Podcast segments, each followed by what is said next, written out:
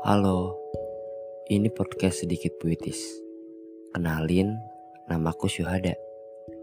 Di sini aku bisa jadi siapa aja. Aku bisa jadi kamu, kami, kita, dan aku cuma pengen bebas.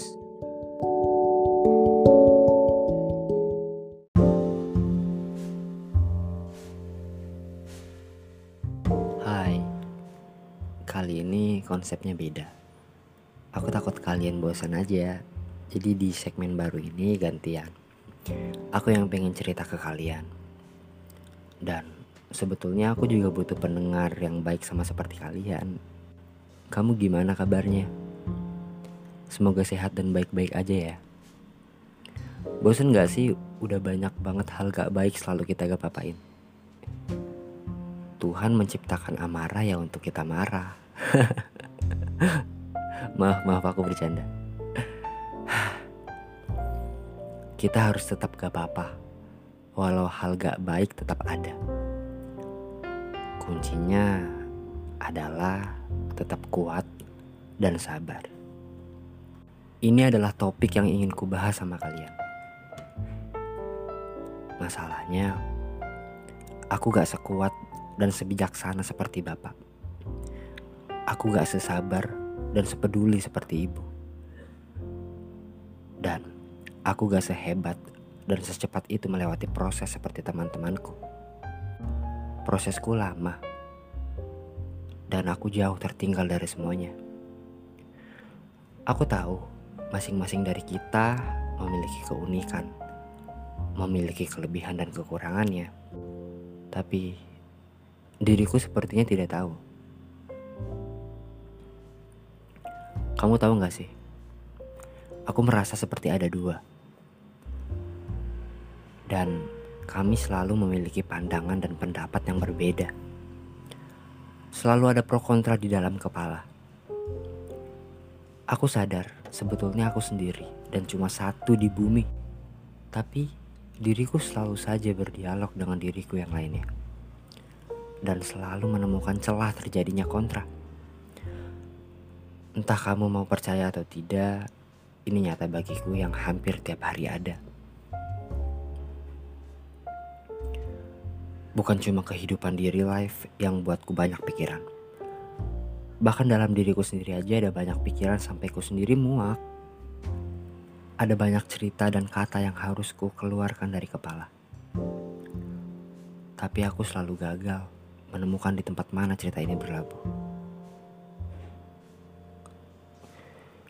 Bukannya aku meremehkan banyak temanku, tapi semua terasa berbeda ketika kita menceritakan suatu hal dan responnya malah adu nasib, walaupun teman sendiri.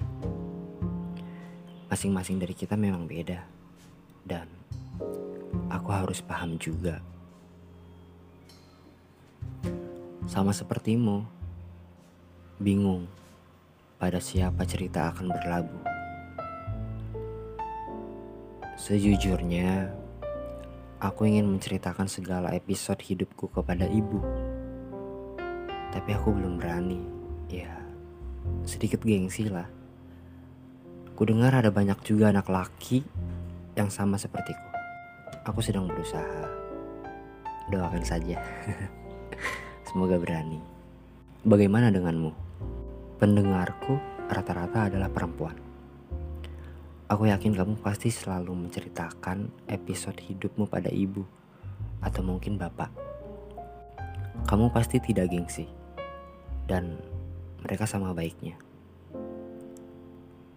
Jika sudah ada yang ditinggal terlebih dahulu, tolong untuk jangan menyerah ya. Aku tahu Aku tahu kenyataan tak semudah ketika kita bicara. Sesuai judul yang kamu klik, aku sering banget membandingkan diriku pada orang lain. Bahkan sampai cerita ini ada. Mungkin beberapa dari kamu menganggap ini hal yang salah. Tapi aku punya pandangan sendiri mengenai ini. Tentu yang kuharapkan adalah hal positif orang lain yang menjadi sebuah evaluasi untukku. Aku pernah pergi ke suatu tempat umum dengan memakai kaos yang bagian lehernya sudah hampir koyak. Karena pada saat itu aku memang terlalu menganggap santai perihal fashion di mata publik. Bukan maksudku untuk bergaya seperti artis atau orang ternama. Tapi pakaian yang kita pakai itu bisa berpengaruh pada hal sekitar. Salah satunya ya diri kita sendiri. Kita bisa minder. Tentu hal ini juga harus berdasarkan pada kemampuan kita sendiri. Kalau belum ada, ya jangan memaksakan harus ada. Ini pandanganku soal membandingkan diri pada orang lain. Kalau kamu kurang sependapat, tidak apa kok. Kita memang terbiasa hidup dengan pandangan dan keyakinan yang berbeda kan? Selagi menghargai ada hal utama itulah hebatnya kita bisa bersama. Tapi tahu nggak? Ada tuh yang memiliki kesamaan tapi ujungnya nggak bersama. Apa coba? Kamu dan dia. Kurang ya? Ya udah deh, besok aku coba lagi.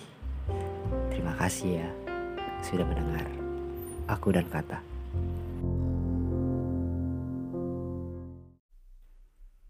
Terima kasih sudah hadir.